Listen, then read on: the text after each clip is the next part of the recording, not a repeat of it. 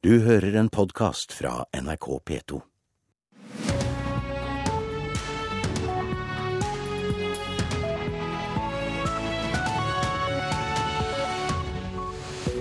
Riktig god morgen. Vi skriver fredag 2. mai. Her i Nyhetsmorgen har vi bl.a. disse sakene. Tryggingsstyrker i Ukraina er i gang med en stor aksjon for å ta tilbake Slavjansk, ifølge prorussiske separatister. Flere folk på bygda enn i storbyene går inn for å forby tigging. Hvorfor skal vi gi dem når, eh, når de kommer, kommer opp her for å eh, skal tjene penger på den måten der? da? Og ansatte på Gardermoen blir de første i Norge som lovlig skal få kjøre ståhjuling, eller Segway. I studio i dag, Silje Sande. Og vi starter med Ukraina, for de siste meldingene derifra går ut på at tryggingsstyrker skal ha satt i gang en større aksjon for å ta tilbake kontroll over Slavjansk. Ifølge en fotograf fra nyhetsbyrået Reuters skal et helikopter ha skutt mot utkanten av byen. Ukrainske styresmakter har ikke kommentert hendinga ennå. Og Situasjonen i Ukraina blir det viktigste punktet når den tyske lederen Angela Merkel i dag møter presidenten i USA. Samtidig kaller USA det russiske kravet om at Ukraina må trekke tilbake styrkene sine fra de urolige områdene i sitt eget land, for absurd. Uh, who called on Ukraine to remove its forces from its country, uh. En merkelig uttalelse, og når du tenker over det er det absurd å be Ukraina trekke tilbake styrkene sine fra sitt eget land, sier pressetalsmann Jay Carney i Det hvite hus. Det var Russlands president som kom med kravet da han snakket med Tysklands forbundskansler Angela Merkel på telefonen tidligere i uka. Før hun satte seg på flyet til Washington, ba hun også Putin om hjelp til å få frigitt de internasjonale observatørene som i snart en uke har vært holdt fanget sørøst i Ukraina. Den vestligstøttede regjeringen i Ukraina beskylder Russland for å stå bak den ustabile situasjonen, men erkjenner at de er maktesløse og at soldatene ikke klarer å stanse det voksende opprøret. Krisa i Ukraina kommer til å dominere samtalene når president Obama tar imot Tysklands Angela Merkel i Det hvite hus i dag. Begge vil vise at vestlige land står sammen, også når det gjelder å straffe Russland hardere om nødvendig. Hvilke konkrete skritt de kan ta for å ramme den russiske økonomien direkte, er blant punktene. Ifølge tyske kommentatorer kommer Merkel til å forsikre Obama om at Tyskland ikke trekker seg fra å legge mer press på Russland, selv om de har et langt tettere økonomisk og handelsmessig bånd. Tidligere i uka innførte både USA og EU nye straffetiltak mot Moskva. Vestlige land mener Russland har brutt den diplomatiske avtalen om å roe ned situasjonen i Ukraina. Det er ventet at Obama og Merkel kommer med en tydelig felles uttalelse etter møtene i Washington. Det vil også være et tegn på at Tyskland og USA prøver å gå videre sammen etter en vanskelig periode i forholdet, med konflikten om en handelsavtale og striden om det omstridte amerikanske avlyttingsprogrammet. Det er første gang Merkel besøker USA siden overvåkningsskandalen i fjor sommer. Den kontroversielle saken var i ferd med å legge en demper på besøket, og Tyskland har ennå ikke fått garantier fra Washington om at NSA ikke driver ulovlig aktivitet på tysk jord. USA har signalisert at de ikke er interessert i å signere en ikke-spioneringsavtale med Berlin. Anders Tvegård, Washington. Med meg i studio nå, utenriksmedarbeider Roger Severin Bruland. Hvordan er situasjonen i Øst-Ukraina nett nå? Det vi vet er at det foregår eh, kamper, mest sannsynlig, og at eh, ukrainske militærhelikopter er involvert. Eh, Vi vet ikke helt hvordan. Det er i denne her byen Slaviansk, som er da høyborga til disse her separatistene i sørøst-Ukraina. Eh, Nå har disse her separatistene fyrt på eller tent på bildekket i disse her kontrollpostene rundt byen, så det ligger tjukk røyk der, og det er vanskelig å se hva det er som foregår. Men på russisk TV så hevder disse her separatistene at de blir storma av eh, ukrainske spesialstyrker. Hvordan reagerer regjeringa i Ukraina på det russiske kravet om å trekke seg tilbake fra de urolige områdene i øst? Ja, ukrainske styremakter eh, hevder jo at en russisk eh, invasjon er nært forestående. De har slått rød alarm, som det heter på Nato-språket. At de har satt herren, den ukrainske hæren i full kampberedskap. Fordi de frykter at disse her 40 000 russiske soldatene som står på den ukrainske grensa, eller nærheten av den ukrainske grensa, snart vil, vil gripe inn fordi at situasjonen har blitt så vanskelig i sørøst Ukraina. Kan det vi ser i dag være starten på større konflikt? Eh, det er helt umulig å si. Men eh, det kommentatorene hevder, er at eh, hvis ikke ukrainske myndigheter griper inn mot disse separatistene, så vil de rett og slett bare ta over Sørøst-Ukraina. På den andre sida så kan dette her være et påskudd for Russland til å gripe inn militært. Så selvsagt så er situasjonen svært alvorlig og spent. Takk skal du ha, Roger Severin Bruland. Vi skal hjem igjen og høre at bygdefolk er mer negative til tigging enn innbyggerne i de store byene. Det syner ei undersøking Norstat har gjort for NRK. Og det er på Sørlandet og Vestlandet folk er mest skeptiske. For det første, veldig mange av de tiggere og sigøynere og andre folk som kommer inn til landet. Da. Jeg vet ikke hva jeg skal si, men jeg, jeg liker ikke det. Rett og slett. Jeg synes at eh, Hvorfor skal vi gi dem når, eh, når de kommer, kommer, opp her for å eh, skal tjene penger på den måten der? Utenfor Coop Mega på Nordfjordeid står det faktisk ei ensom romkvinne på et hjørne, men de fleste går forbi. Tettstedet Nordfjordeid har rundt 3000 innbyggere, og ifølge en undersøkelse fra Norstat er det flere som er negative til tigging på småsteder, enn i byer med mer enn 50 000 innbyggere. Vi spurte nordfjordingene hvorfor. Folk i byene er mer vant til det enn folk ute på landsbygda. Så en tenker ikke så mye over det. Det er jo sjelden jeg har sett tiggere. Ikke her iallfall. Ser det i Oslo når jeg er der av og til. Geografisk er det på Vestlandet og Sørlandet, inkludert Telemark, folk ivrer mest for et tiggeforbud. 64% av innbyggerne vil ha et nasjonalt forbud, mens bare 48% i Oslo vil ha et tiggeforbud. Så selv om det er i Oslo det er størst tiggertetthet, er det lettere å finne Oslo-borgere som ikke ønsker et nasjonalt forbud. Du kan jo ikke kriminalisere det at folk har dårlig råd, at de må ty til tigging. Som prinsipielt syns jeg det blir feil å forby at noen ber om hjelp. Ifølge Norstats undersøkelse har kjønn, alder og utdanning lite å si for om folk vil ha et forbud mot tigging eller ikke. Mens partitilhørighet avgjør. KrF, SV og Venstres velgere er tydelige på at tigging bør være tillatt. 72 av Høyre-velgerne vil forby tigging, mens partiet for folk flest er tydeligst med 88% for et nasjonalt tiggeforbud. Og partileder Siv Jensen jobber med saken. Det vi nå jobber med, er å få på plass regler nettopp for å kunne innføre tiggeforbud. Først og fremst gjennom et eh, lokalt eh, forbud. Eh, men vi har heller ikke avvist, vår stortingsgruppe har heller ikke avvist muligheten for å på sikt også gjennomføre et nasjonalt forbud. Hi, hi, lady, please. I Oslo er det vanskelig å unngå å støte på tiggere som sitter ved T-banestasjoner, utenfor kirker eller langs gater der folk går til og fra jobb. Det er også i hovedstaden politiet snakker tydeligst for et tiggeforbud. Mens på småsteder der politiet rapporterer om få problemer og kanskje 10-15 tiggere, der vil folk ha et forbud. Innflytter til Nordfjordeid, Kjersti Næss, har gjort seg opp noen tanker. Jeg syns det er for lettvint. Det er for lettvint. Altså dette her at vi skal Å ja, jeg skal gi til deg, stakkar, jeg har så du kan få av meg. Det liker jeg ikke. En av de eneste tingene vi kan gjøre for å få dem til å slutte å komme, det er å la være å gi. For da vil de ikke komme. Reportere Asker Reksnes og Eva Marie Bullai.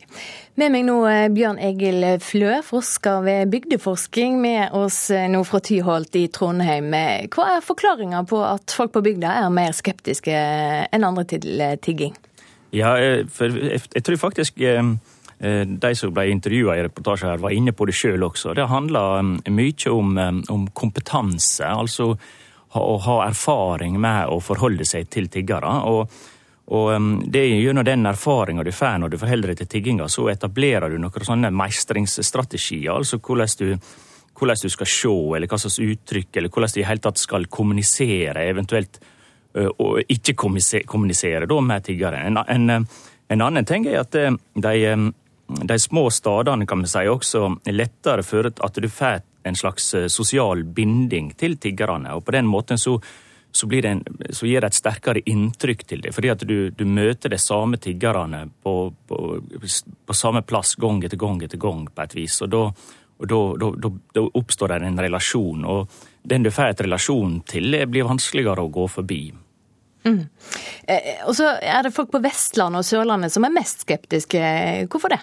Ja, Det, er, det, vet jeg egentlig lite om, men jeg får jo en, en assosiasjon her til, til, det typiske bibelbeltet. og Det, det viser jo eh, også studier fra, fra 90-tallets USA, da, da, faktisk USA hadde mye av de samme spørsmålene oppe om det skulle være opp til hver enkelt by eller, eller, eller, eller town da kan vi si, til å, til å avgjøre om det skulle være lov å tigge eller ikke. Og Det er jo litt av den samme debatten som vi har her. og da da ser han at det, i det amerikanske bibelbeltet så var også skepsisen størst. Og eh, hva er det som liksom da gjør at det gode kristne er mer skeptiske enn kan vi si, gode hedninger? Det, det er et vanskeligere spørsmål. men... Eh, men da må han til historikerne og sånne ting, og, og da ser han på hele den historiske utviklinga av, av tigging helt tilbake, kan vi si, så vi har data fra, fra 1300-tallets England og, og framover til, eh, til nå. da.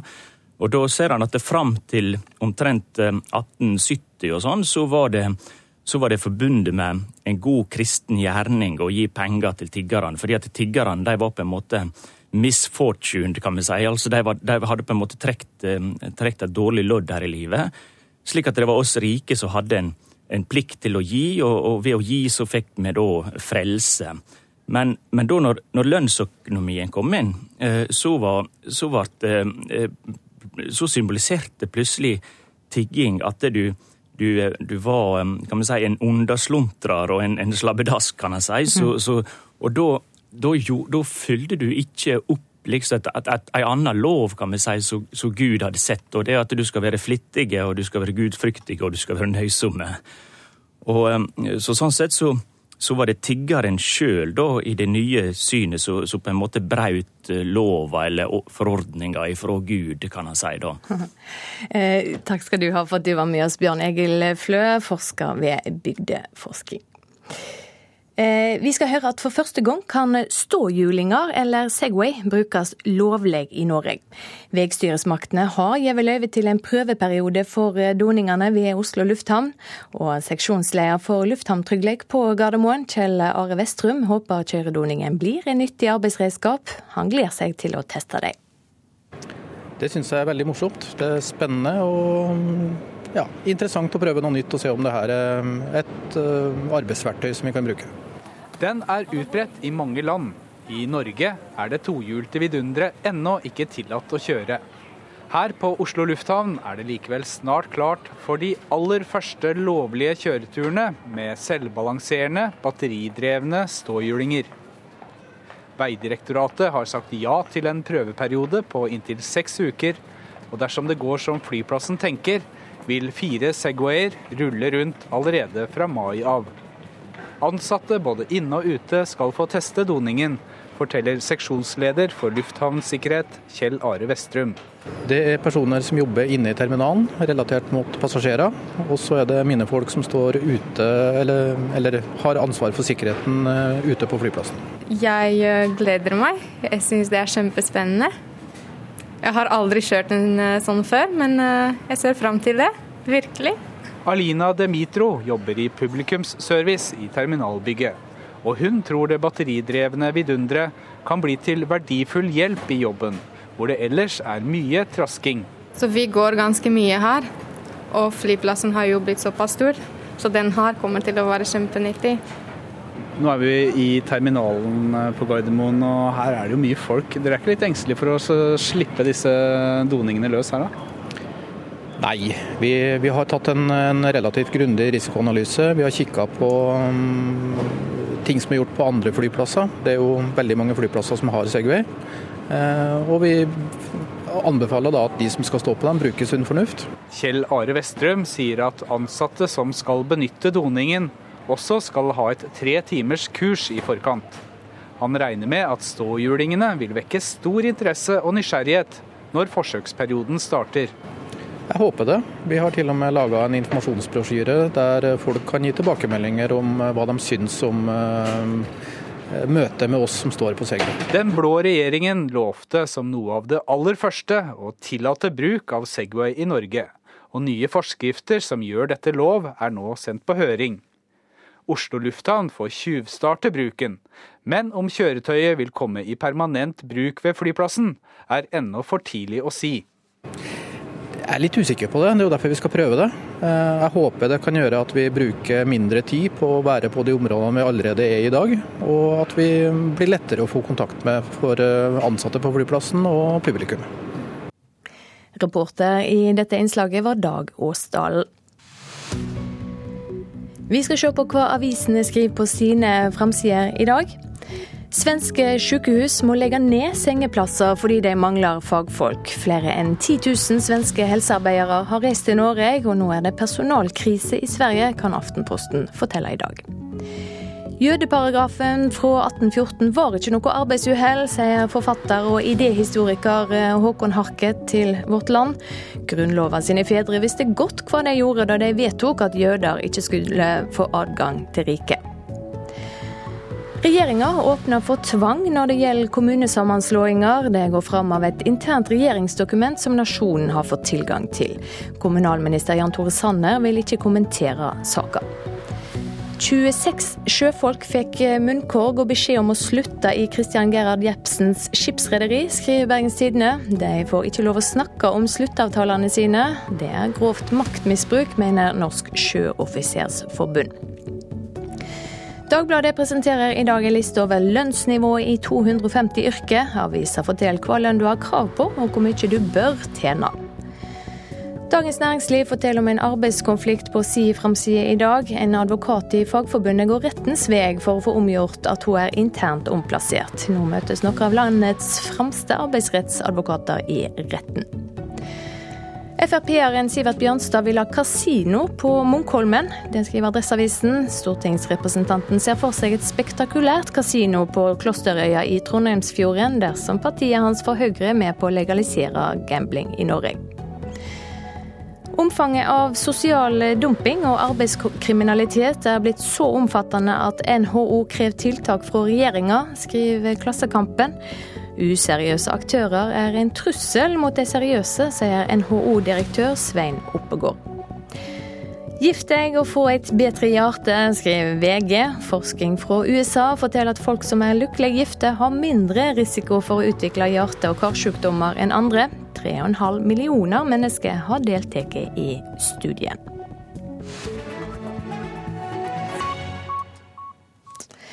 Så skal vi ha sport her i Nyhetsmorgen. Hardkjøret er i gang for fotballklubbene i Eliteserien.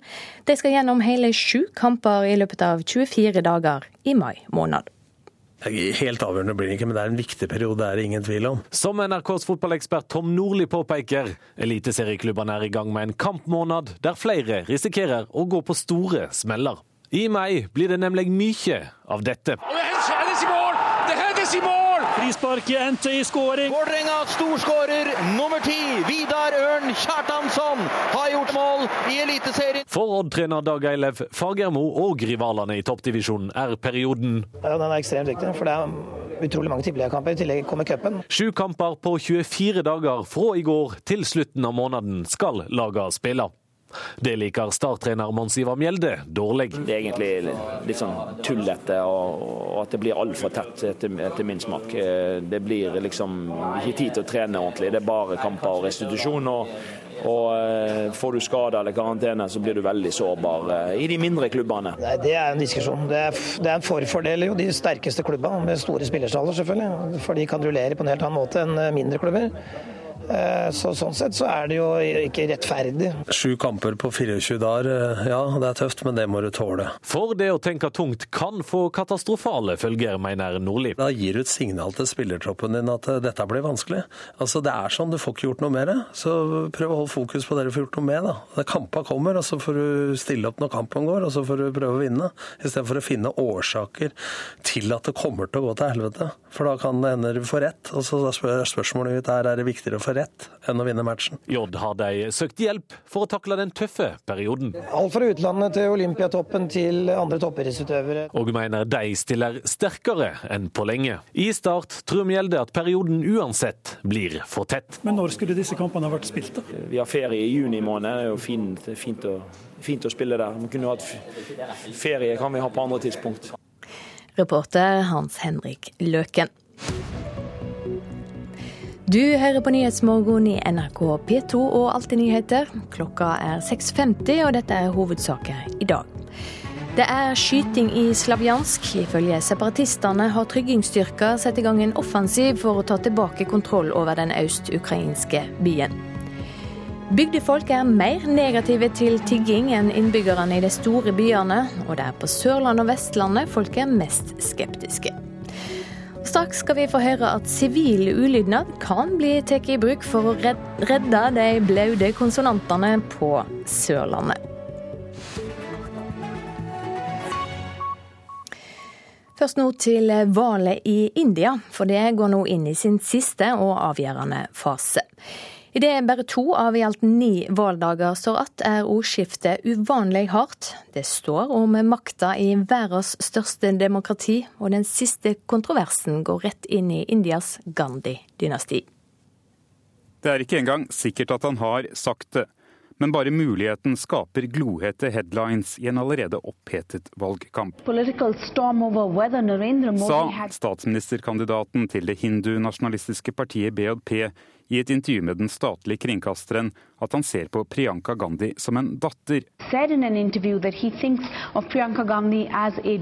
Sa Narendra Modi dette i en del av intervjuet som er klippet bort. Fjernsynskanalen benekter dette. Kan han ha sagt det før eller etter intervjuet?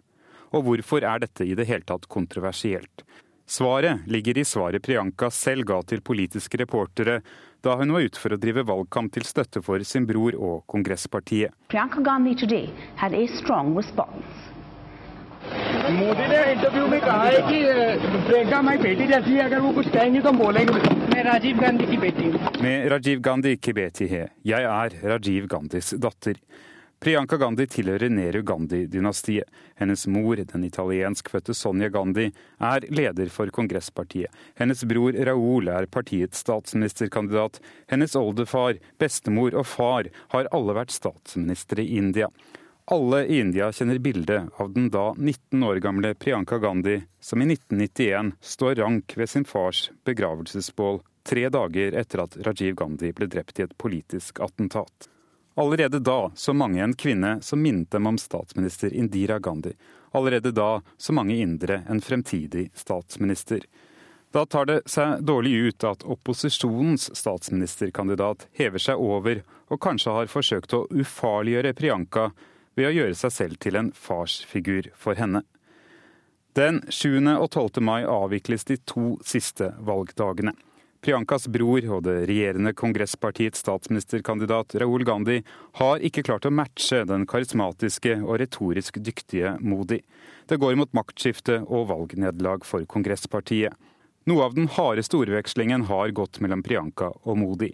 Hint om at Priyankas ektemann er korrupt, er blitt besvart med anklager fra Priyanka om at Modi som delstatsminister i delstaten Gujarat har gjort seg skyldig i vanstyre, og hint om at han har blod på hendene fordi han ikke gjorde noe for å stanse de religiøse opptøyene i delstaten i 2002.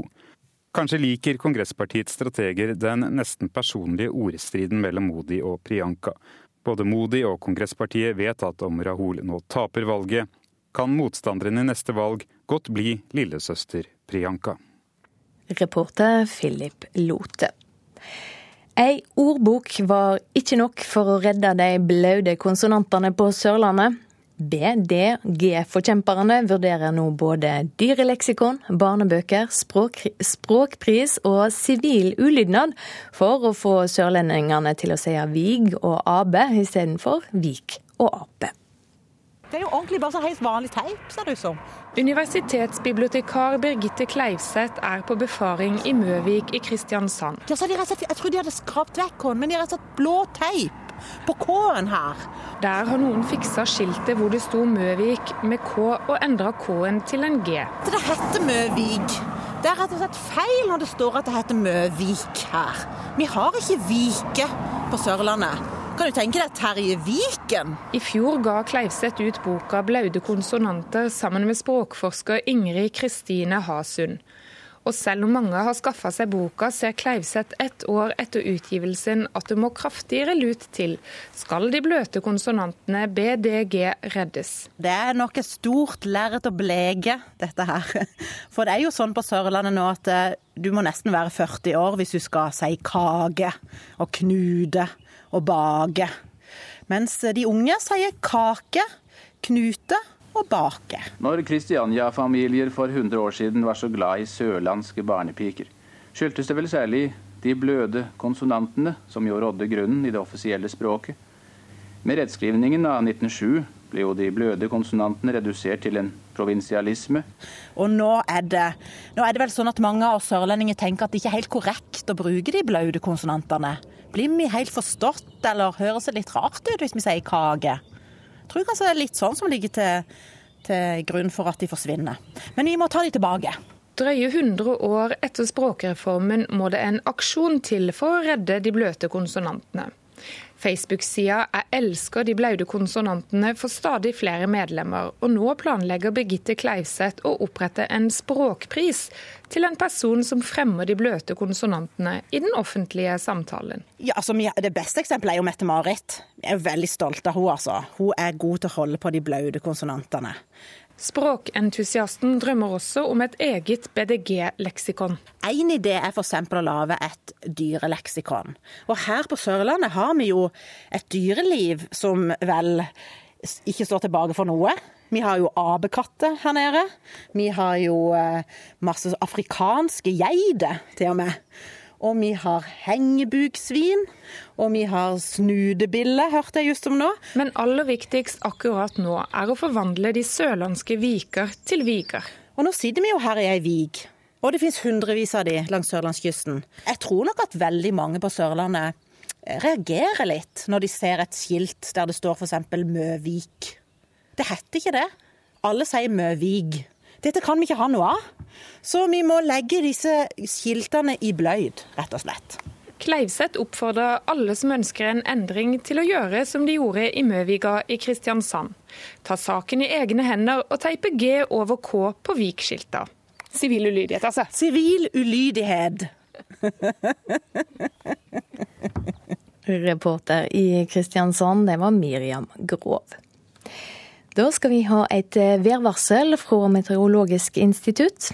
Fjellet i Sør-Norge får eh, i nordlige fjellstrøk nordvestlig frisk bris og enkelte snøbyger, ellers lite vind og opphold. Mye fint vær først på dagen. Østafjells nordlig bris og lett skyer eller fint vær. I ettermiddag solgangsbris, noe mer skyer, men stort sett opphold. Vestlandet sør for Stad nordlig bris, frisk bris på kysten. I ettermiddag nordvest liten kuling sør for Feie. Stort sett fint vær i kveld, tilskyende i nord. Møre og Romsdal nordvest bris, periodevis frisk bris. Enkelte sludd- og snøbyger, til dels regnbyger på kysten. Nordland og Trøndelag nordvest frisk bris, periodevis liten kuling på kysten fra Helgeland og sørover. Sludd- og snøbyger, og kanskje gløtt av sol. Troms og Finnmark skiftende bris. I Troms av og til frisk bris. Perioder med snøbyger, men i indre og østlige strøk. Lange perioder med opphold og sol. Nordensjøland på Spitsbergen får østlig bris, av og til frisk bris. Skyer eller delvis skyer, og muligens enkelte snøbyger. Vi skal se på temperaturene som var målt klokka fem i dag tidlig. Svalbard lufthavn minus åtte. Kirkenes minus fire. Vardø minus én. Alta minus to. Tromsø-Langnes minus to. Bodø pluss to. Brønnøysund pluss to. Trondheim-Værnes pluss to. Molde pluss to. Bergen-Flesland pluss to. Og også Stavanger hadde pluss to. Kristiansand-Kjevik minus én. Gardermoen minus én. Lillehammer minus én. Røros minus to. Og Oslo-Blindern hadde to plussgrader. Og videre er det venta stort sett uendra temperaturer. Du hører en podkast fra NRK P2.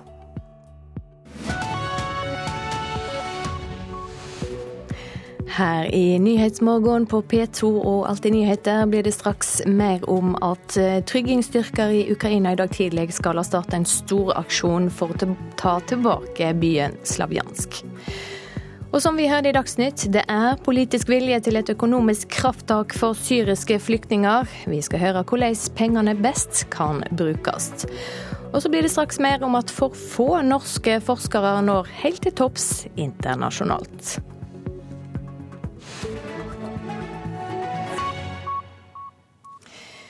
Ukrainske styrker skal altså sette i verk en stor militæroffensiv for å ta tilbake den øst-ukrainske byen Slavjansk. Det hevder prorussiske separatister som har tatt kontroll over byen. En fotograf fra nyhetsbyrået Reuters har sett et kamphelikopter skyte mot mål i utkanten av byen. Og utenriksmedarbeider Roger Severin Bruland, hva er det siste nå om situasjonen i Øst-Ukraina? Vi får jo veldig sprikende versjoner av det som skjer. Eh, russiske medier melder at to ukrainske militærhelikopter er nedskutt, og at én pilot er tatt til fange. Eh, fra ukrainske side så blir det sagt at eh, de har sett sett et helikopter flyge lavt eh, over eh, byen Slaviansk. Eh, det har vært skuddvekslinger og eksplosjoner, men at den, disse her kampene har vært veldig lokalisert mot én plass. Og at de har sett militærhelikopter flyge også etterpå. En har fått melding om at militærhelikopter har blitt nedskutt, men nå vet vi jo ikke hvor mange militærhelikopter som har vært innblanda i denne aksjonen. En, også en reporter reporter fra nyhetsbyrået AFP, eh, det er jo eh, gjerne lokale reportere, sier også at eh, det er ikke snakk om en full angrep på byen Slavjansk, men på et, en bestemt sted. Men at han har hørt kirkeklokken ringe i byen, da, som et varsel om at noe har vært på gang. Ja, altså En helt klart uoversiktlig situasjon vi snakker om her. Hva reaksjoner har kommet på det som nå skal være i gang? Eh, det vi får vite fra ukrainske eh, styremakter, er at eh, de vil ikke kommentere på pågående militære operasjoner, og at de først vil kommentere det her når det her er avklart klart. Eh, tidligere så har jo eh, Vladimir Putin eh, sagt til Angela Merkel at han ja, krever at ukrainske styrker trekker seg ut av Sør-Ukraina. Og det russiske innenriksdepartementet har sagt at det kan få veldig store konsekvenser hvis en holder fram disse her operasjonene med å prøve å å ja, fjerne disse her separatistene da, som okkuperer ulike offentlige bygg i eh, forskjellige byer i Sørøst-Ukraina. Nå blir det sagt eh, fra analytikerne at eh, en, eh, en, en, Ukraina har kanskje ikke så mange muligheter. De, de holder på å miste grepet over eh, Ukraina foran eh, presidentvalget og er nødt til å gjøre noe. Men hvis de griper for sterkt inn, så kan det også gi et påskudd til Russland for å, å gripe inn militært. Takk skal du ha, utenriksmedarbeider Roger Severin Bruland. Det er politisk vilje til en norsk humanitær storløyving til syriske flyktninger. Arbeiderpartiet brukte 1. mai til å ta til orde for å gi en ekstra milliard for å hjelpe de mange syrerne som trenger det. Og dette ser det nå ut til å kunne bli politisk flertall for på Stortinget. Ja, det er stort behov for mer hjelp i Syria. Det er en enorm flyktningkatastrofe som vi ser uh, utspille seg. Statssekretær i Utenriksdepartementet Bård Glad Pedersen er enig med Jonas Gahr Støre sin analyse i går. Behovet for hjelp til Syria er enormt, og det øker. Støre tok på 1. mai i går til orde for ei storløyving. Altså, jeg tror at vi bør kunne samle oss om en milliard. En milliard er mye penger i et revidert nasjonalbudsjett. Uten å gå inn i tall, sier det Høyre-ledede departementet at den politiske viljen til å hjelpe er stor. Hva som kommer i revidert nasjonalbudsjett får man jo vite om knappe to uker når det eh, legges frem, men viljen til å stille opp for Syria langsiktig er absolutt til stede, for at hjelpebehovet der er helt enormt. Vi har så langt siden krisen oppstod i 2011 gitt over 1,3 milliarder. Som svar på FNs nødhjelpsappell for første halvår i år, så ga vi eh, nesten en eh, halv milliard. Eh, her kommer hjelpebehovet til å være stort lenge. Vi må være forberedt på å stille opp mer, og vi må være forberedt på å stille opp over tid. og det kommer vi til å være. Når regjeringa kommer med revidert budsjett til Stortinget, ser det ut til at de vil møte et stortingsflertall som vil løyve en hel ekstra Syria-milliard. Ap har med seg rød-grønne venner, som Senterpartileder Trygve Slagsvold Vedum. Vi vil støtte et sånt initiativ, fordi at uh, her er det millioner av mennesker på flukt. Det er snart dessverre flere hundre tusen mennesker som er drept. Så det er en voldsom katastrofe. Og hvis vi kan bidra til å avhjelpe litt, så er det moralsk rett, og det vil vi støtte. Leder i finanskomiteen Hans Olav Syversen vil ikke være konkret på pengesummer, men sier at hans parti KrF jobber for store ekstramidler til Syria. Vi var jo da med på og initierte at Stortinget like før jul kom en eh, ekstrabevilgning, men eh, uten tvil er behovet økt eh, etter det. Så det er faktisk den type ting som kan og bør endres i revidert. Venstre og Abid Raja har allerede argumentert for å gi en Syria-milliard. Jeg mener at Norge, som en stor nasjon vi er, kan vise den storhet og raushet at vi kan bidra med en milliard utover de vanlige bistandsbudsjettene, midlene man har. Jeg mener at eh, behovet har blitt tydeliggjort ytterligere ved at vi ser at den eh, konflikten i Syria ingen ende tar, og det eskalerer. Det er enorm lidelse, eh, og situasjonen har ikke blitt bedre. Og Når Flyktninghjelpen sier at det er det man trenger at norske staten bidrar med, og det er bredt stortingsflertall som ønsker dette, så mener jeg at det er noe regjeringen virkelig eh, bør legge seg i selene for å imøtekomme. Og Utenriksdepartementet er tydelig på følgende. Verdenssamfunnet må stille opp mer, og også Norge må være forberedt på å bidra mer. Det sa statssekretær i Utenriksdepartementet Bård Glad Pedersen til reporter Håvard Grønli. Og humanitære organisasjoner har bare fått kring en femdel av det de trenger til humanitært arbeid i Syria og for syriske flyktninger. Med meg nå generalsekretær i Flyktninghjelpen, Jan Egeland. Hva kan en få til med en milliard kroner ekstra? Man kan få til veldig, veldig mye for veldig mange helt fortvilede eh, krigsofre, både inne i Syria og i nabolandene. Inne i Syria har vi bare 19 fått til den store FN-ledede appellen. For nabolandene, som jo nå kneler under byrden av 2,5 million flyktninger, så er, det kommet inn 25% av midlene. Så, så poenget her er at eh, alle har forstått at Assad-regimet og ekstremistiske motstandsgrupper gjør det vanskelig for oss hjelpearbeiderne. Men få har forstått at mennesker også lider fra Libanon til langt inn i Syria fordi de ikke får nok penger. Hvordan vil du skildre den humanitære eh, situasjonen i Syria nett nå? Ja, det er den mest alvorlige utfordringen vi hjelpearbeiderne har hatt siden eh, Bosnia, eh, Balkan og Rwanda sto i flammer for 20 år siden. Altså, alt i alt er det 12 millioner mennesker som er eh, veldig alvorlig rammet av denne krigen. Ni millioner av de har mistet sine hjem. Eh, to tredeler av disse, eh, Litt over to tredeler av disse er inne i Syria veldig vanskelig å nå, men vi når fram. Flyktninghjelpen alene når fram til en kvart million eh, mennesker gjennom våre eh, operasjoner over grensen direkte fra Tyrkia. I Libanon er det én million registrerte flyktninger, en halv million til syrere. En av de eh, flyktningemødrene satte fyr på seg selv i mars, da hun fikk beskjed om at det ikke lenger var penger gjennom FNs høykommissær for flyktninger for henne eller hennes fire barn. Men det trengs altså mer penger eh, internasjonalt. Du har vært i det amerikanske senatet og snakka om Syria der. Hva reaksjoner fikk du?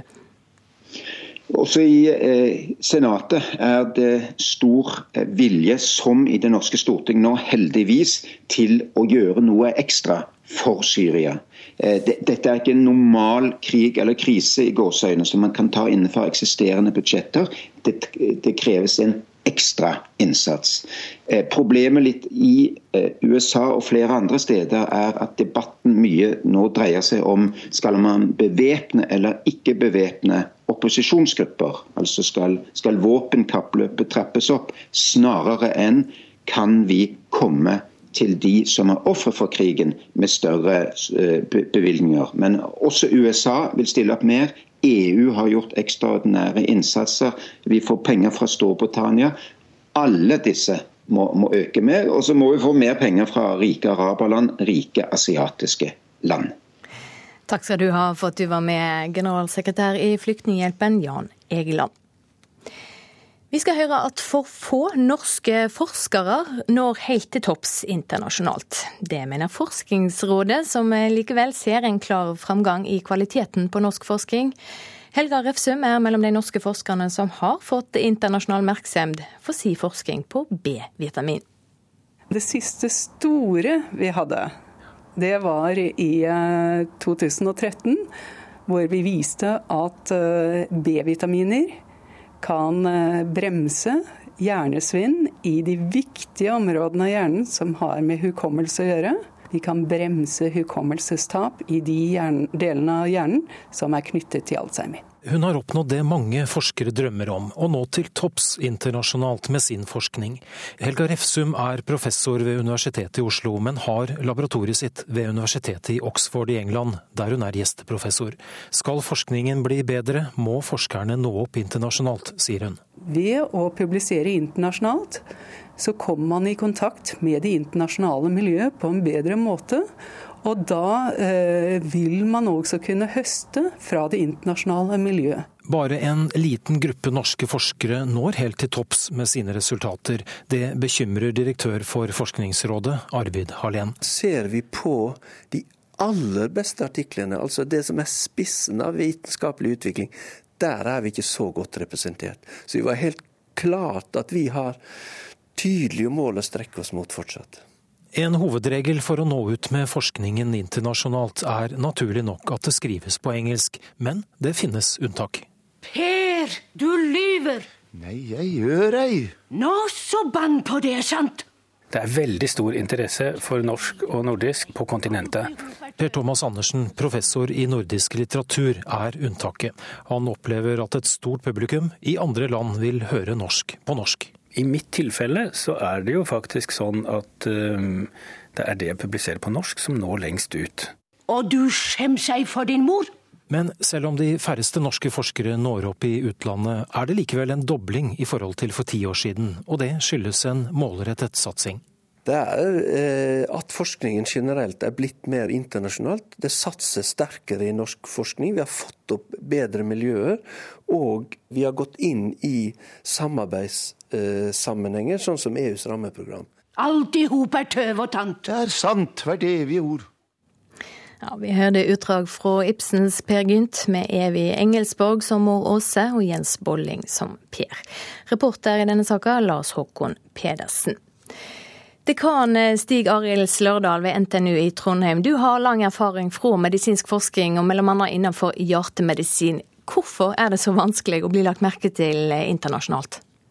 Nei, det er vel at vi kanskje ikke har vært eh, flinke nok med å satse på eh, eliteforskning, toppnivå. Eh, og jeg tror at i forskning er det sånn at vi må satse både på bredde og spiss. Og vi har et potensial for enda mer spissatsing.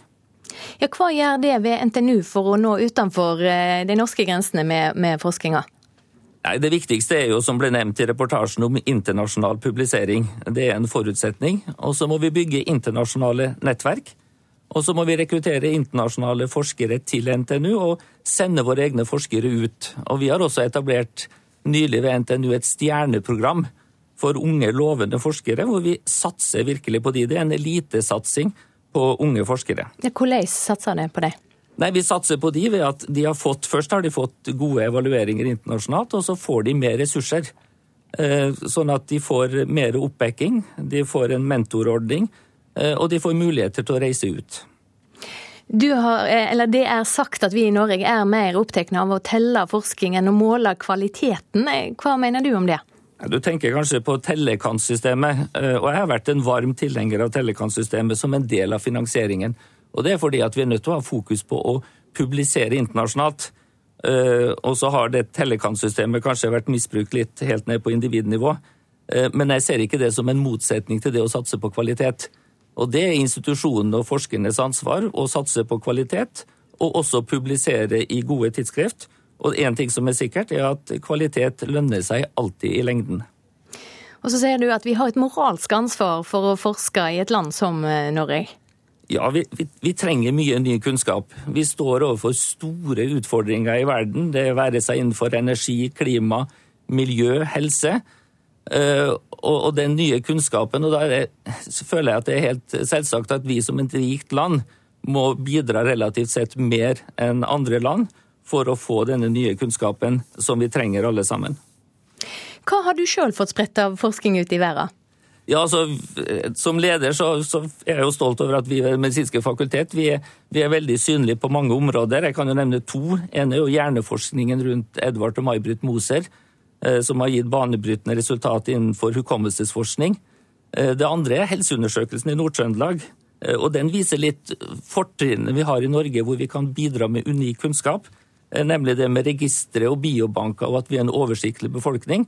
Og Det har gitt oss veldig mye internasjonale samarbeidspartnere og stor oppmerksomhet. Takk skal du ha for at du var med, Stig Arild Slørdal fra NTNU i Trondheim. Du hører på Nyhetsmorgen i NRK P2 og Alltid nyheter. Klokka er 7.19. Dette er våre hovedsaker nå. Det er skyting i Slaviansk i dag. Ifølge separatistene har tryggingsstyrker satt i gang en offensiv for å ta tilbake kontroll over den øst-ukrainske byen. Det er politisk vilje på Stortinget til en norsk humanitær storløyving til syriske flyktninger. De samme signalene kommer fra flere land, forteller Flyktningerådet. Og bygdefolk er mer negative til tigging enn innbyggerne i de store byene. Det er på Sørlandet og Vestlandet folk er mest skeptiske.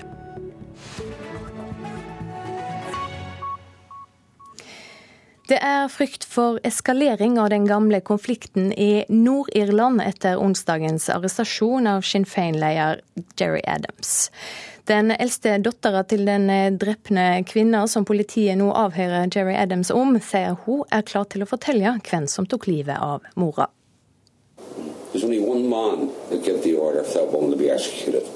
That man right, is now the head of Sinn Féin. Dette er stemmen til tidligere IRA-medlemmet Brendan Hughes, som hevder at Sinn Féin-leder Jerry Adams var mannen som ga ordre om både kidnapping og drap på enken og tibarnsmoren Jean McConville i 1972. Adams har alltid benektet dette, men ble arrestert av politiet da han skulle forklare seg om saken onsdag kveld. Hans nestkommanderende parti, Martin McGuinness, sier det er mørke krefter i spill i det nordirske politiet krefter som ønsker å påvirke det kommende valget i landsdelen. I mean, uh,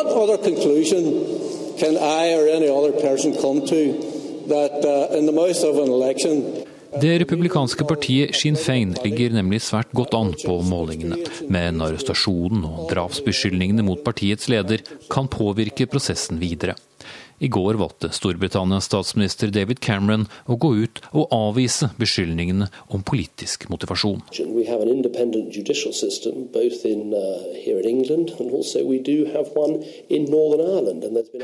En mann sitter med nøkkelen her, en av sønnene til den drepte Jean McConville, Michael McConville. I likhet med moren ble også han bortført av IRA, men uten å miste livet. Han ble bare banket opp. Han hevder han så mordernes ansikt, men av frykt for eget og familiens liv vil han aldri si hvem det er. Og det sa vår korrespondent Espen Aas. USA advarer mot en ny generasjon terrorister.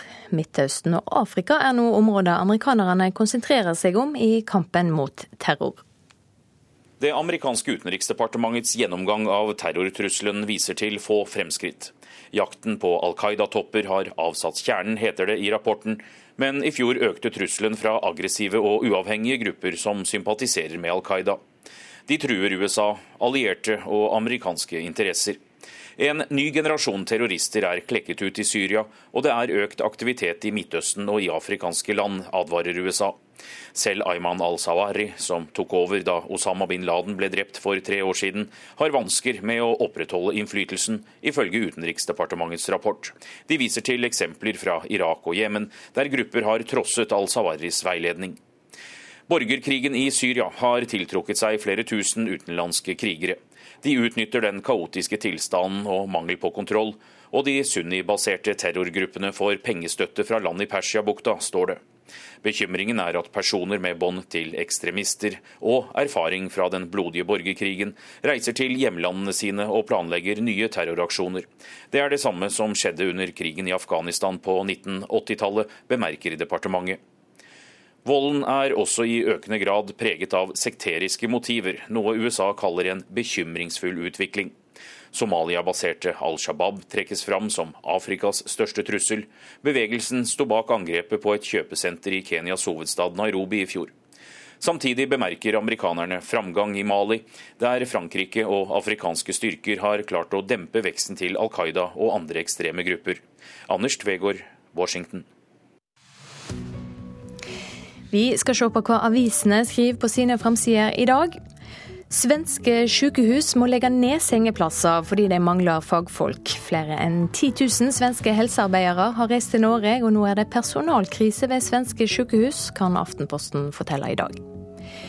Jødeparagrafen fra 1814 var ikke noe arbeidsuhell. Det sier forfatter og idéhistoriker Håkon Harket til Vårt Land. Grunnlova sine fedre visste godt hva de gjorde da de vedtok at jøder ikke skulle få adgang til riket. Tek kampen om fridommen, skriver Dagsavisen, som bruker si framside på LO-lederen sin 1. mai-tale. Vi godtar ikke at fridom skal være synonymt med Segway, lakrispiper og proffboksing, sa Gerd Kristiansen til de som møtte opp på Youngstorget i Oslo i går. Regjeringa åpner for tvang når det gjelder kommunesammenslåinger. Det går fram av et internt regjeringsdokument Nasjonen har fått tilgang til. Kommunalminister Jan Tore Sanner vil ikke kommentere saka. 26 sjøfolk fikk munnkorg og beskjed om å slutte i Christian Gerhard Jepsens skipsrederi, skriver Bergens Tidende. De får ikke lov å snakke om sluttavtalene sine. Det er grovt maktmisbruk, mener Norsk sjøoffisersforbund.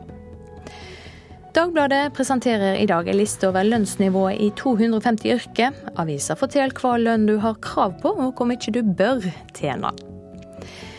Dagens Næringsliv forteller om en arbeidskonflikt på si framside i dag. En advokat i Fagforbundet går rettens vei for å få omgjort at hun er internt omplassert. Nå møtes noen av landets fremste arbeidsrettsadvokater i retten. Frp-eren Sivert Bjørnstad vil ha kasino på Munkholmen, skriver Adresseavisen. Stortingsrepresentanten ser for seg et spektakulært kasino på Klosterøya i Trondheimsfjorden, dersom partiet hans får Høyre med på å legalisere gambling i Norge. Omfanget av sosial dumping og arbeidskriminalitet er blitt så omfattende at NHO krever tiltak for regjeringa, skriver Klassekampen. Useriøse aktører er en trussel mot de seriøse, sier NHO-direktør Svein Oppegård. Og gift deg og få et bedre hjerte, skriver VG. Forskning fra USA forteller at folk som er lykkelig gifte, har mindre risiko for å utvikle hjerte- og karsykdommer enn andre. 3,5 millioner mennesker har deltatt i studien.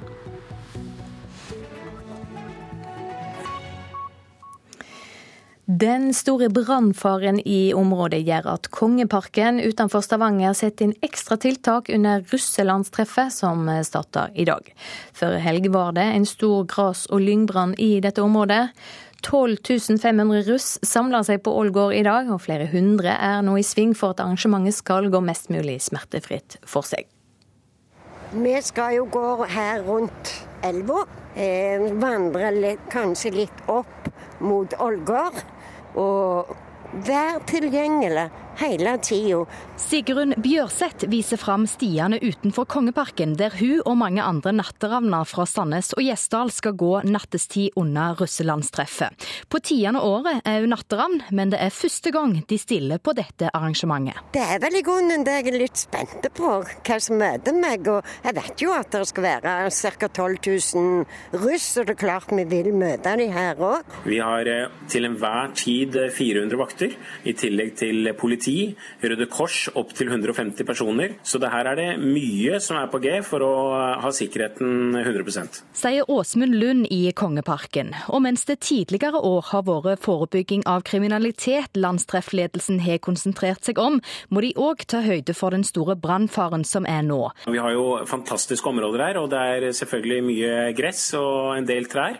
Så man må selvfølgelig passe på at ikke noe av dette her tar fyr.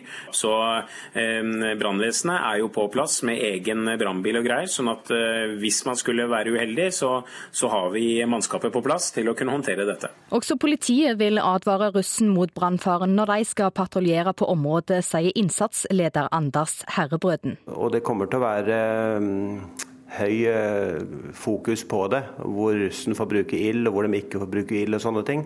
Men det er ikke bare brannfaren som bekymrer. I fjor ble det anmeldt fire voldtekter under russetreffet. I år er en egen politietterforsker satt av til å ta seg av de mest alvorlige sakene. Det er jo mange gutter og jenter, så det er først og fremst de som har et ansvar når, når det gjør der oppe. Eh, men hvis eh, det skjer ting, så er vi klare til å ta oss av det. Også landstreffledelsen har satt inn ekstra forebyggende tiltak for å prøve å hindre bl.a. voldtekter. Altså Enkelthendelser kan du aldri garantere 100 eh, for. Så Det som er viktig for oss, er at vi har fått eh, belyst eh, store deler av festivalområdet. Vi har satt opp TV-våkning. I fjor skjedde det groveste overgrepet utenfor Kongeparken, der natteravn Sigrun Bjørseth skal gå nattestid. Det skremmer nesten vettet av oss. Samtlige voksne ravner. Og kan vi være med å forhindre at ting skjer her? Det kan vi jo aldri garantere. Så kunne det gått 24 timer. Reporter her, det var Mari Friestad. Du hører på Nyhetsmorgen. Anders Borgen Werring er straks klar med Dagsnytt, og i reportasjen etterpå skal vi høre hvor strenge reglene for abort er i Brasil, som er verdens største katolske land. Politisk kvarter blir i dag sendt fra landsmøtet til Fremskrittspartiet på Gardermoen. Produsent for eh, Nyhetsmorgen i dag, det er eh, Silje Katrine Bjarkøy. Her i studio, Silje Sande.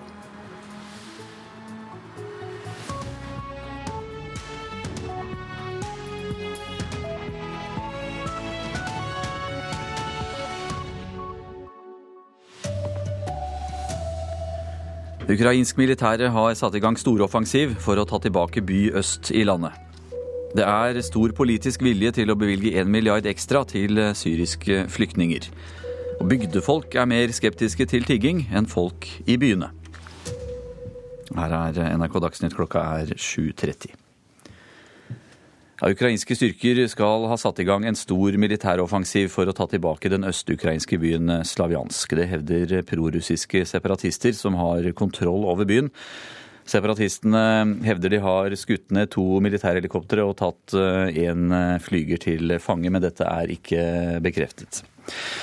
Utenriksmedarbeider Roger Severin Bruland, eh, hva mer kan du fortelle om denne operasjonen?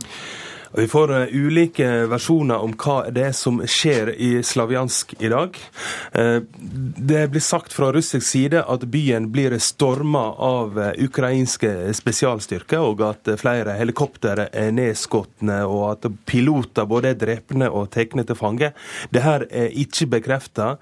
Fra reportere på bakken i Ukraina så får vi en helt annen versjon, der det blir snakk om at det har vært et angrep mot et, spes en spesielt lokalitet, og at eh, disse her militærhelikoptrene har blitt hørt flygende lagt over Slaviansk også etterpå at det har blitt rapportert at de er nedskotne. Men det som er på det rene, er at eh, det foregår en militær operasjon. Ja, hvordan eh, vurderes nå sjansene for en russisk invasjon? Eh, det ekspertene vil hevde, er at eh, eh, dess mer en driver og går inn militært fra ukrainsk side, dess større påskudd får russerne til å gripe inn med såkalla fredsbevarende styrke og få en mer offisiell rolle i Øst-Ukraina. Samtidig så blir det jo hevda at disse her separatistene har, får festa grepet såpass at hvis ikke ukrainerne gjør noe, så vil en eh, mer eller mindre kunne ta kontrollen over Sørøst-Ukraina eh, ja, uten, uten, kamp, og iallfall ødelegge for det her presidentvalget som kommer nå i mai. Takk skal du ha, utenriksmedarbeider Roger Severin Bruland. Du holder oss oppdatert på situasjonen øst i Ukraina skal gjøre at det er politisk vilje til en humanitær storbevilgning til Syria. Arbeiderpartiet brukte 1. mai til å ta til orde for en ekstra milliard for å hjelpe flyktningene i landet. Og det ser ut til å kunne bli politisk flertall for dette. Ja, Det er stort behov for mer hjelp i Syria. Statssekretær i Utenriksdepartementet Bård Glad Pedersen er enig med Jonas Gahr Støre sin analyse i går. Behovet for hjelp til Syria er enormt, og det øker. Støre tok på 1. mai i går til orde for ei storløyving. Altså, Jeg tror at vi bør kunne samle oss om en milliard. En milliard er mye penger i et revidert nasjonalbudsjett. Uten å gå inn i tall, sier det Høyre-ledede departementet at den politiske viljen til å hjelpe er stor. Hva som kommer i revidert nasjonalbudsjett får man jo vite om knappe to uker når det eh, legges frem. Men viljen til å stille opp for Syria langsiktig er absolutt til stede, for at hjelpebehovet der er helt enormt. Når regjeringa kommer med revidert budsjett til Stortinget, ser det ut til at de vil møte et stortingsflertall som vil løyve en hel ekstra Syria-milliard. Ap har med seg rød-grønne venner, som Senterpartileder Trygve Slagsvold Vedum. Det er en voldsom katastrofe, og hvis vi kan bidra til å avhjelpe litt, så er det moralsk rett, og det vil vi støtte. Leder i finanskomiteen Hans Olav Syversen vil ikke være konkret på pengesummer, men sier at hans parti KrF jobber for store ekstramidler til Syria. Det er helt klart. Så er vi jo opptatt av å samle så mye støtte bak eh, hjelp til eh, Syrias flyktninger som mulig. Venstre og Abid Raja har allerede argumentert for å gi en Syria-milliard. Og jeg mener at milliarden bør komme på toppen av de ordinære bistandsmidlene Norge gir. Og Utenriksdepartementet er tydelig på følgende. Verdenssamfunnet må stille opp mer, og også Norge må være forberedt på å bidra mer sa statssekretær i Utenriksdepartementet Bård Glad Pedersen, reporter Håvard Grønli. Filippinsk politi og Interpol har arrestert 58 personer som skal ha deltatt i et nettverk av utpressere. Utpresserne har lurt folk over hele verden til å sende pornografiske bilder eller videoer av seg selv. Deretter er ofrene blitt presset til å betale flere tusen kroner for at bildene ikke skulle publiseres. Bygdefolk er mer negative til tigging enn innbyggerne i de store byene. Det viser en undersøkelse Norstat har gjort for NRK. Og det er på Sørlandet og Vestlandet at folk er mest skeptiske. For det første, veldig mange av de tiggere og sigøynere og andre folk som kommer inn til landet. Da. Jeg vet ikke hva jeg skal si, men jeg, jeg liker ikke det. Rett og slett. Utenfor Coop Mega på Nordfjordeid står det faktisk ei ensom romkvinne på et hjørne, men de fleste går forbi. Tettstedet Nordfjordeid har rundt 3000 innbyggere, og ifølge en ny undersøkelse fra Norstat er det flere som er negative til tigging på småsteder enn i byer med mer enn 50 000 innbyggere. Vi spurte nordfjordingene hvorfor. Det kan vel kanskje være med at eh, folk i byene er mer vant til det enn folk ute på landsbygda. Så en tenker ikke så mye over det. Det er jo sjelden jeg har sett tiggere. Ikke her iallfall. Ser det i Oslo når jeg er der og. Selv om det er i Oslo det er størst tiggertetthet, og politiet ivrer mest for et forbud, er Oslo-borgerne hakket mer positive. I et fritt samfunn så må tigging eh, også være lov. Som prinsipielt syns jeg det blir feil å forby at noen ber om hjelp. Ifølge Norstats undersøkelse har kjønn, alder og utdanning lite å si for om folk vil ha et forbud mot tigging eller ikke. Mens partitilhørighet avgjør. KrF, SV og Venstres velgere er tydelige på at tigging bør være tillatt. 72 av Høyre-velgerne vil forby tigging, mens partiet for folk flest er tydeligst med 88% for et nasjonalt tiggeforbud. Og partileder Siv Jensen jobber med saken. Det vi nå jobber med, er å få på plass regler nettopp for å kunne innføre tiggeforbud. Først og fremst gjennom et lokalt forbud. Vår stortingsgruppe har heller ikke avvist muligheten for, og på sikt også gjennomføre et nasjonalt forbud. I dag eh, så starter FrPs landsmøte på Gardermoen, der det bl.a. skal diskutere tigging. Reportere her det var Asgeir Reksnes og Eva Marie Bulai. Folk som eh, mister jobben bør få tilbud om eh, psykologhjelp hvis de ønsker det. Det foreslår to stortingsrepresentanter for Høyre. Psykologforeningen mener det er feil å skreddersy et tilbud til mennesker som plutselig står uten jobb. Men helsepolitiker Tone Trøen mener det å bli arbeidsløs er så alvorlig at psykologhjelp kan være nødvendig. Det å være på jobb er en viktig del av fellesskapet i livet. For noen er det jo en utrygg økonomi som man går, eh, går, inn i. Eh, og for andre så har det kanskje med selvrespekt å gjøre også. I lag med partikollega Stefan Heggelund, som er medlem av arbeids- og sosialkomiteen på Stortinget, ber hun om et psykologtilbud til mennesker som blir arbeidsløse. Målet er å unngå at eventuelle bekymringer og milde psykiske plager skal bite seg fast og bli til depresjoner. Heggelund sier at tilbudet om psykologhjelp bør komme raskt til den som mister jobben. Ja, hvis man da en dag mister jobben og går til Nav for å søke om en ytelse, så skal man også få tilbud uh, om samtale med psykolog eller mental veileder, slik at man skal vite at man har det uh, tilbudet, en forebyggende samtale. Helseminister Bent Høie varsler at han vil snakke med partikollegaene om forslaget.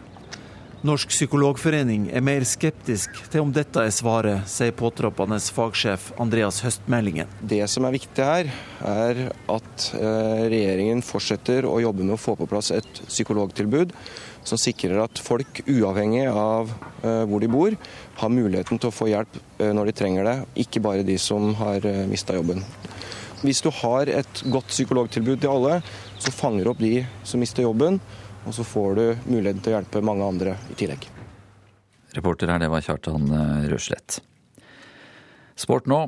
Hardkjøret er i gang for fotballklubbene i Eliteserien, som må gjennom hele sju kamper i løpet av 24 dager i mai måned. Det er for tøft, mener starttrener Mons Ivar Mjelde. Vi har eh, altfor mange kamper i mai. Sa Starts trener etter å ha starta mai måned med 2-0-tap for Molde i går. Og framover kommer kampene tett. For tett for Mons Ivar Mjelde. Det er egentlig litt sånn tullete, og, og at det blir altfor tett etter, etter min smak. Eh, det blir liksom ikke tid til å trene ordentlig. Det er bare kamper og restitusjon. og og eh, Får du skade eller karantene, så blir du veldig sårbar eh, i de mindre klubbene. Sju kamper på 24 dager, eh, ja det er tøft, men det må du tåle. NRKs fotballekspert Tom Nordli mener det er en avleggsmåte å møte perioden på, også for de små i Eliteserien. For da gir du et signal til spillertroppen din at dette blir vanskelig. Altså Det er sånn, du får ikke gjort noe med det. Så prøv å holde fokus på det du får gjort noe med. da. Kampa kommer, og så får du stille opp når kampen går, og så får du prøve å vinne. Men når skulle disse kampene ha vært spilt? da? Vi har ferie i juni måned. Det er jo fint, fint å spille der. Ferie kan vi ha på andre tidspunkt. Reporter her, det var Hans Henrik Løken. Arne Fossland har ansvaret for Dagsnytt eh, denne morgenen. Det er Beate Haugtrø som har det tekniske ansvaret. Jeg heter Anders Borgen Werring.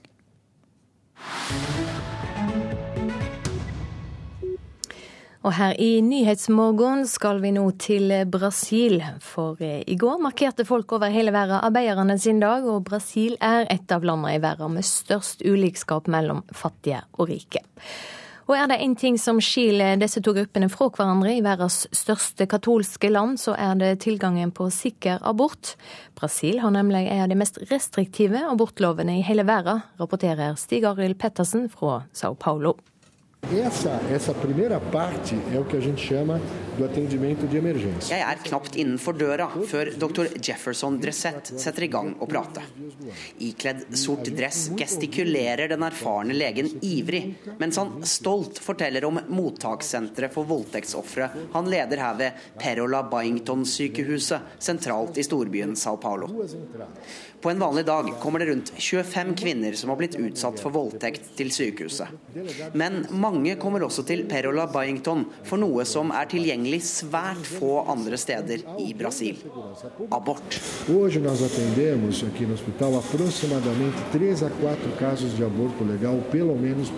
Vi gjennomfører tre til fire lovlige aborter hver uke, forteller dr. Jefferson. Og nettopp ordet 'lovlig' står sentralt. Det er nemlig kun voldtekt som gir en kvinne rett til abort her i verdens største katolske land. Alt annet blir behandlet som lovbrudd. Det er enorme hindringer i veien for kvinner som ønsker å ta abort i dette landet, forteller dr. Jefferson. De restriktive lovene skaper et perverst marked for illegale aborter. Det finnes sikre alternativer, men disse er svært dyre. Og de som ofte trenger en abort, er kvinner med begrensede midler. De tyr dermed til billige, men farlige inngrep, forteller legen. Mellom 800 000 og 1,3 millioner aborter gjennomføres hvert år i Brasil. Offisielt dør én kvinne hver annen dag av komplikasjoner fra illegal abort. Sannsynligvis er tallet over dobbelt så stort, forteller den erfarne abortlegen. I verden for øvrig er Brasil kjent som et liberalt land, men verdimessig er brasilianerne svært konservative. Og ikke bare de katolske. Nå er det den raskt voksende evangeliske lobbyen som får definere abortpolitikken i landet, freser abortlegen, som selv er ateist og leder en organisasjon som kjemper for fri abort i Brasil. Noen få kvartaler unna ligger en katolsk abortorganisasjon. Men deres holdning til abort er kanskje ikke slik man kunne vente. A gente aposta na autonomia de decisão das mulheres. A gente acha que elas devem ter o direito de decidir. Vi tror på kvinnens rett til å velge selv, sier Hosangela Talib, leder for Católicas pelo direito de decidir, altså katolikker for retten til å velge. Os valores religiosos católicos são muito, muito fortes ainda na nossa cultura. E o aborto para a Igreja Católica é visto como um homicídio. Katolske verdier står fremdeles ekstremt sterkt her i landet, og kirken ser på abort som drap, sier Talib. Men selv ser hun ingen motsetning mellom å være katolikk og å kjempe for legalisering av abort. Hun er nemlig først og fremst opptatt av at barn som blir født, får de levekårene de har krav på. For dette er et klasse- og rasespørsmål, sier Talib. Também tem um recorte de classe essa questão do aborto. Det er de fattige og de svarte som lider under de strenge abortlovene. De rike kan betale profesjonelle leger ved proffe klinikker for å gjennomføre et illegalt inngrep. Eller de kan reise til et annet land for å ta abort. Dette er ikke tilgjengelig for de fattige, og de tyr dermed til farlige metoder. Dette handler om klassekamp. E.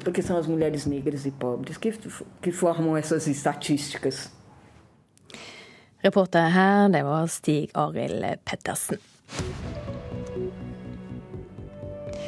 Du hører på Nyhetsmorgen i NRK P2 og Alltid nyheter. Klokka er straks 7.45, og dette er hovedsaker nå. Tryggingsstyrker i Ukraina har i dag tidlig starta en stor aksjon for å ta tilbake byen Slavjansk øst i landet. Det er politisk vilje på Stortinget til et krafttak for syriske flyktninger. Det er snakk om å legge én milliard ekstra på bordet. Og bygdefolk er mer negative til tigging enn innbyggerne i de store byene. Straks blir det Politisk kvarter i samsending med NRK1.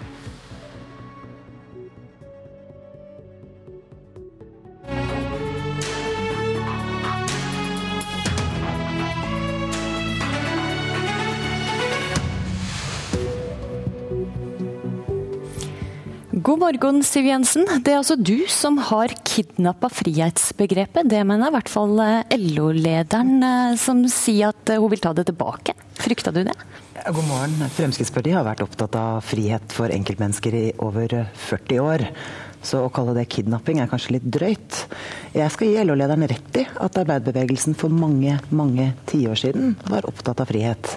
Men nå de siste ti årene har de nok vært mer opptatt av å få en plass i Arbeiderpartiets sentralstyre enn de har vært av å kjempe frem frihet for enkeltmennesket. Men nå vil hun ta tilbake frihetsbegrepet. Tror du hun klarer det? Det er jo eh, litt avhengig av hva hun legger i begrepet frihet. Frihet handler jo om å la mennesker få lov å leve ulike liv. Velge mellom barnehage og kontantstøtte, velge mellom private og offentlige tilbydere. Eh, gjøre valgfriheten reell for alle som har ulike liv. Jeg har ikke hørt at LO har vært særlig opptatt av det. Og det handler jo om at LO først og fremst er opptatt av å agitere arbeiderpartipolitikk, når de egentlig burde være opptatt av politiske spørsmål som alle deres medlemmer er opptatt av. LO har jo tross alt mange medlemmer som ikke stemmer Arbeiderpartiet. Men det vil altså ha frihet til å kjøre Segway, til å spille poker, til å drive med proffboksing. Det er lett å harselere med disse tinga. Er det disse frihetskampene du ønsker å bli huska for? Det burde være viktigere å harselere med dem som i sin tid laget forbudene. Det at noen har brukt offentlige ressurser, tid og krefter på å innføre den type forbud, er faktisk et større problem for det norske samfunn. Det at vi tar de bort, mener jeg er bra. Men det er mange viktigere spørsmål eh, Fremskrittspartiet og denne regjeringen jobber for. Bl.a. likebehandling mellom offentlige private og ideelle tilbydere i helse- og omsorgssektoren, eh, som kommer til å bety masse både for å få ned ventetiden og få køene bort fra ulike institusjoner. Mange har vært spente på hvordan det kommer til å gå med Frp i regjering. Og kanskje særlig hvordan eh, grasrota i et utålmodig protestparti kommer til å takle et eh, regjeringssamarbeid. I dag så møter du landsmøtet ditt for første gang etter at du kom i regjering. Venta du kjeft? Jeg venter et møte med et veldig stolt, men sultent parti. Det er jo de tilbakemeldingene de får. De er veldig fornøyd med at Fremskrittspartiet sitter i regjering for første gang. De er stolt av at vi leverer på alle politikkområder i våre første seks måneder. Men tror du at du kommer til å få kjeft? Nei, jeg tror vi kommer til å få litt spark i leggen på eh, mange områder hvor de er utålmodige og ønsker at vi skal levere enda mer. Hva for områder da? Ja, jeg håper de mener det på alle områder, fordi regjeringen har jo bare så vidt kommet i gang i løpet av de første seks månedene. Jeg håper jo på et eh, landsmøte som ser for seg enda mer skatte- og avgiftsreduksjoner i tiden som kommer, som eh, ønsker seg enda mer offensivitet både på samferdselssektoren, justissektoren, helsesektoren og en lang rekke andre forhold som Fremskrittspartiet er og alltid har vært opptatt av. Eh, vi er akkurat det samme partiet i dag som vi var i går, og vi skal fortsette å kjempe den lille manns kamp. Jeg håper du rett og slett på litt drahjelp fra landsmøtet ditt, sånn at du kan bruke det inn i forhandlingene med Høyre? Jeg tror vi kommer til å få mange spennende debatter på dette landsmøtet. Eh, det er jo sånn at når, når, Fremskrittspartiets ledelse møter sitt eh, landsmøte, så møter vi våre sjefer. Da skal vi få beskjed både om hva vi gjør bra, og hva vi kan gjøre mer av. Men håper du å få drahjelp fra landsmøtesalen med sterke krav som du kan bruke i forhandlingene mot, eh, med Høyre? Jeg er helt sikker på at vi kommer til å få kloke og realistiske vedtak på Fremskrittspartiets landsmøte, som gjør det mulig for oss å videreutvikle vår politikk. Nå er det jo sånn sånn at eh, Høyre- og Fremskrittspartiregjeringen først og fremst styrer på den eh, fremforhandlede plattformen. I tillegg så er det jo mange politiske spørsmål som ikke er avklart i den, og som vi må løpende forhandle oss frem til. Og Da er det jo viktig at landsmøtet sier ifra hva de mener. Et sånt spørsmål er f.eks. om det skal avholdes et eh, OL i de neste årene i Norge. Og Det tipper jeg at mange mennesker har sterke meninger om, og også i Fremskrittspartiet er det nok delte meninger om det. Ja, hva mener du? Jeg stemte eh, nei eh, under folkeavstemningen. Jeg hadde bare håpet at hele landet kunne deltatt i den folkeavstemningen, for da hadde vi visst hvordan det norske folk stilte seg til, slik, eh, til et slikt spørsmål. Nå blir det opp til politiske myndigheter, regjering og storting å avgjøre dette. Og da er det viktig at de politiske partiene gir sine signaler. Men håper du at landsmøtet ditt her vil vedta en bindende resolusjon som, som altså binder Frp til å ikke stemme for en statsgaranti for OL? Jeg er eh, spent på hvordan den debatten går, og jeg er ikke minst også spent på hvilket vedtak landsmøtet ender opp med å fatte. Det er flere andre spennende saker delegatene her skal ta stilling til, bl.a. e-sigaretter. Mm. Er du for det? Jeg prøver normalt å ikke forhåndsprofilere noen av de resolusjonene som ligger til behandling, for det er eh, landsmøtets suverene rett å ta den type beslutninger. Og da skal ikke partilederen eh, si på forhånd hvordan hun mener at voteringene skal gå. Hva med folkeavstemning eh, for nynorsk, vil du ha det? Ja, det er eh, som sagt Eller mot nynorsk, er kanskje riktigere å si. Det kommer til å være mange spennende debatter, men jeg kommer ikke til å ta stilling til noen av resolusjonene som er fremmet. Det må landsmøtet få lov å gjøre selv. Mm. Carl I. Hagen har sagt at han venta at Frp skulle få til mer i regjering. Hadde du også venta det? Altså, jeg syns jo vi har fått til veldig mye allerede. Men eh, det er jo en sånn, det er typisk Frp-sjela, og den ligger i meg òg, at man er utålmodig. Jeg sier jo veldig ofte når jeg holder taler at, eh, at jeg kunne jo ha stoppet opp og gleda meg litt lenger over den dagen vi faktisk fjernet arveavgiften. Det er noe Fremskrittspartiet har slåss for i 40 år. Nå er arveavgiften historie. Men jeg hadde knapt nok tid til å glede meg over det, fordi jeg snudde meg videre for å jobbe med nye saker. Men, men, og det mener jeg faktisk er noe vi Frp-ere må gjøre av og til. Vi må glede oss litt når vi nå faktisk gjennomfører politikken vår, samtidig som vi er utålmodige på å få til mer. Men svar ærlig på dette. Hadde du trodd at det kunne gjennomføre mer? Raskere? nei, jeg, faktisk så mener jeg at vi har gjennomført utrolig mye allerede. Men som jeg sier, vi har bare sittet i seks måneder. Så Hagen har, har, litt høye forventninger? Altså. Nei, jeg mener at det er, det er helt uh, rimelig å peke på at uh, man skulle ønske enda mer. Jeg også skulle ønske enda mer. Men jeg syns faktisk vi har levert mye allerede. Men mer kommer til å komme, særlig fordi vi bare har sittet i seks måneder. Mm. Du har sagt at det skal være ærlig om tapa mm. i regjering. Mm. Hva for tap har smerta mest? Det er altså Jeg tror ikke vi syns det var særlig, særlig, stas å nok en gang utsette konsekvensutredning i Lofoten og Vesterålen. Eh, vi hadde en hard valgkamp på det spørsmålet, men eh, dessverre ble det slik. Eh, så erkjenner jo vi at vi gjerne skulle sett en bompengepolitikk som så litt annerledes ut enn den vi nå regjerer på. Men samtidig så får vi jo til utrolig mye i samferdselspolitikken. Så det er jo en, hva skal vi si, en, en både glede og litt uh, sorg i det spørsmålet. Og så er det jo selvfølgelig, syns jeg, litt ubehagelig at uh, stortingsflertallet uh, økte mineraloljeavgiften. Det ønsket jo ikke regjeringen å gjøre. Flere vonde saker her, altså. Et annet tema. Skulle du ønske at Christian Tybing-Gjedde var her på, på landsmøtet? Jeg håper jo at alle som er delegater til Fremskrittspartiets landsmøte finner tid og anledning til å være her, men så registrerer jeg at det er enkelte hvor det har kommet ting i veien. For Christian Tybring-Gjedde er en av dem. Vår parlamentariske leder skal i konfirmasjon og har heller ikke anledning til å komme. Skulle du ønske at han var? Ja, som jeg sier, jeg skulle ønske at alle som er delegater til vårt landsmøte hadde fått anledning til å finne veien hit. Mm. Tybring-Gjedde ba om å bli fristilt til å kunne stemme mot regjeringa sin politikk i innvandringsspørsmål, men fikk nei fra sentralstyret. Hvorfor det? Fordi det er eh, vårt landsmøte gjennom eh, partiprogram og ikke minst det faktum at landsstyret enstemmig har sluttet seg til den plattformen vi regjerer på, som legger premissene for hvordan vår stortingsgruppe skal opptre. Så mener jeg at han rett og slett har misforstått. Dette er en betydelig innstramming i asyl- og innvandringspolitikken vi har eh, fremforhandlet med de andre partiene som kommer til å bli en merkbar forskjell i årene som kommer. Men så har vi jo også sagt at dette ikke er en uttømmende avtale. Hvilket betyr at på områder som ikke denne avtalen regulerer, så står regjeringen fritt til å fremme nye forslag. Så Christian Tybring-Gjedde har rett og slett ikke skjønt det? Som eh, Per Sandberg også har sagt veldig mange ganger, så er dette spørsmålet tydelig og avklart. Og det er ingen grunn til å, å skape et inntrykk av at eh, dette ikke er en innstramming, fordi det er det. Men er du nøyd med den løsninga som saka har fått nå, nemlig at Kristian Christian Tybring-Gjedde sier at han ikke vil uttale seg i innvandringsspørsmål mer?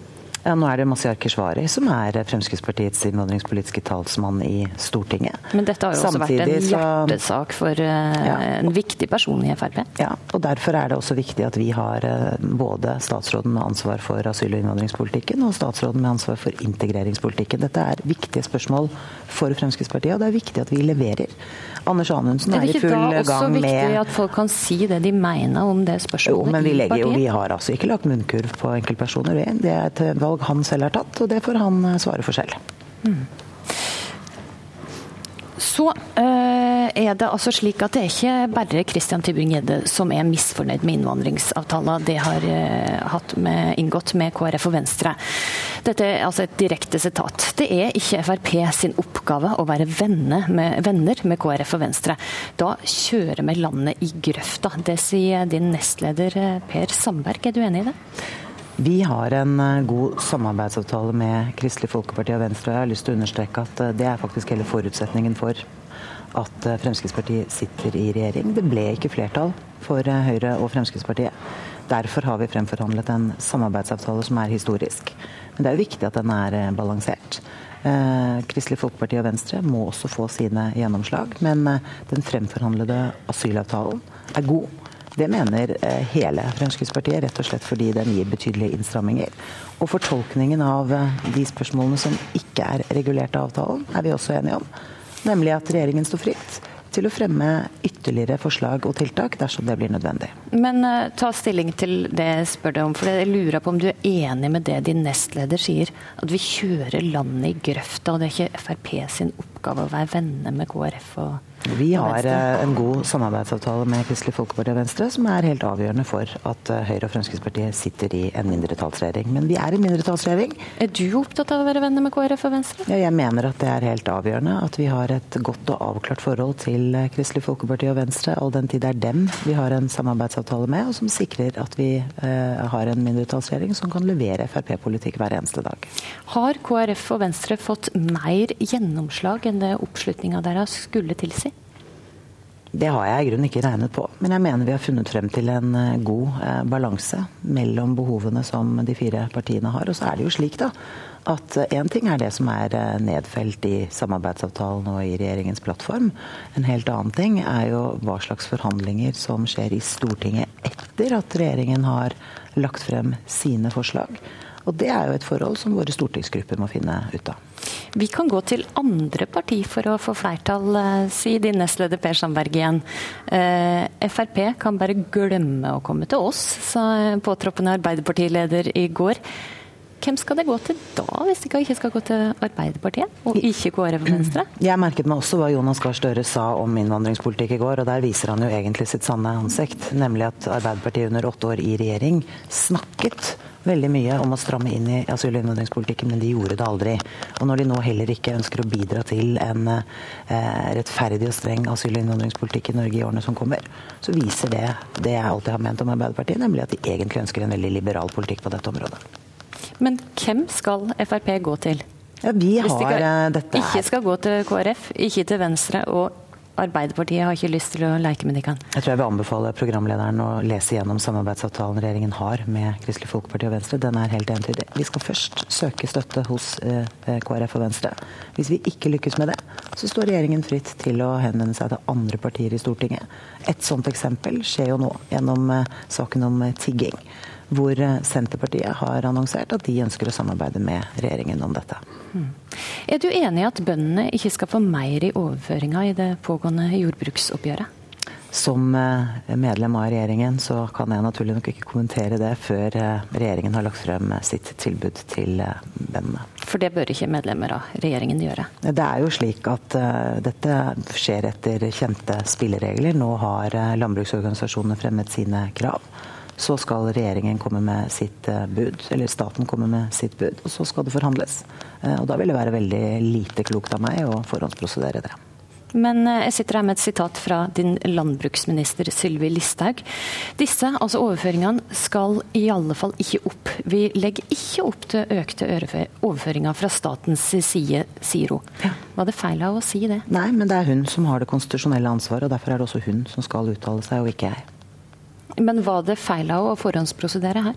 Hun har ansvaret for å håndtere det spørsmålet. Det har ikke jeg. Og det at hun har gitt uttrykk for dette, det mener jeg er riktig. Og så må hun fortsette det arbeidet når hun også legger frem budet på vegne av staten. Mm. Til slutt, det er politisk vilje til ei humanitær storbevilgning til Syria, hørte vi i Dagsnytt i dag. Én milliard ekstra. Har finansminister Jensen lyst til å bidra? Regjeringen skal behandle revidert budsjett i neste uke. og Så skal vi legge det frem for Stortinget 14. mai. og Da vil også Stortinget og offentligheten få vite hvilke anbefalinger regjeringen har når det gjelder revidert budsjett. Takk skal du ha, Siv Jensen. Kvart over to går du på talerstolen her på Frp-landsmøtet for å holde din første landsmøtetale etter at Frp gikk i regjering. Vi ønsker deg lykke til med det.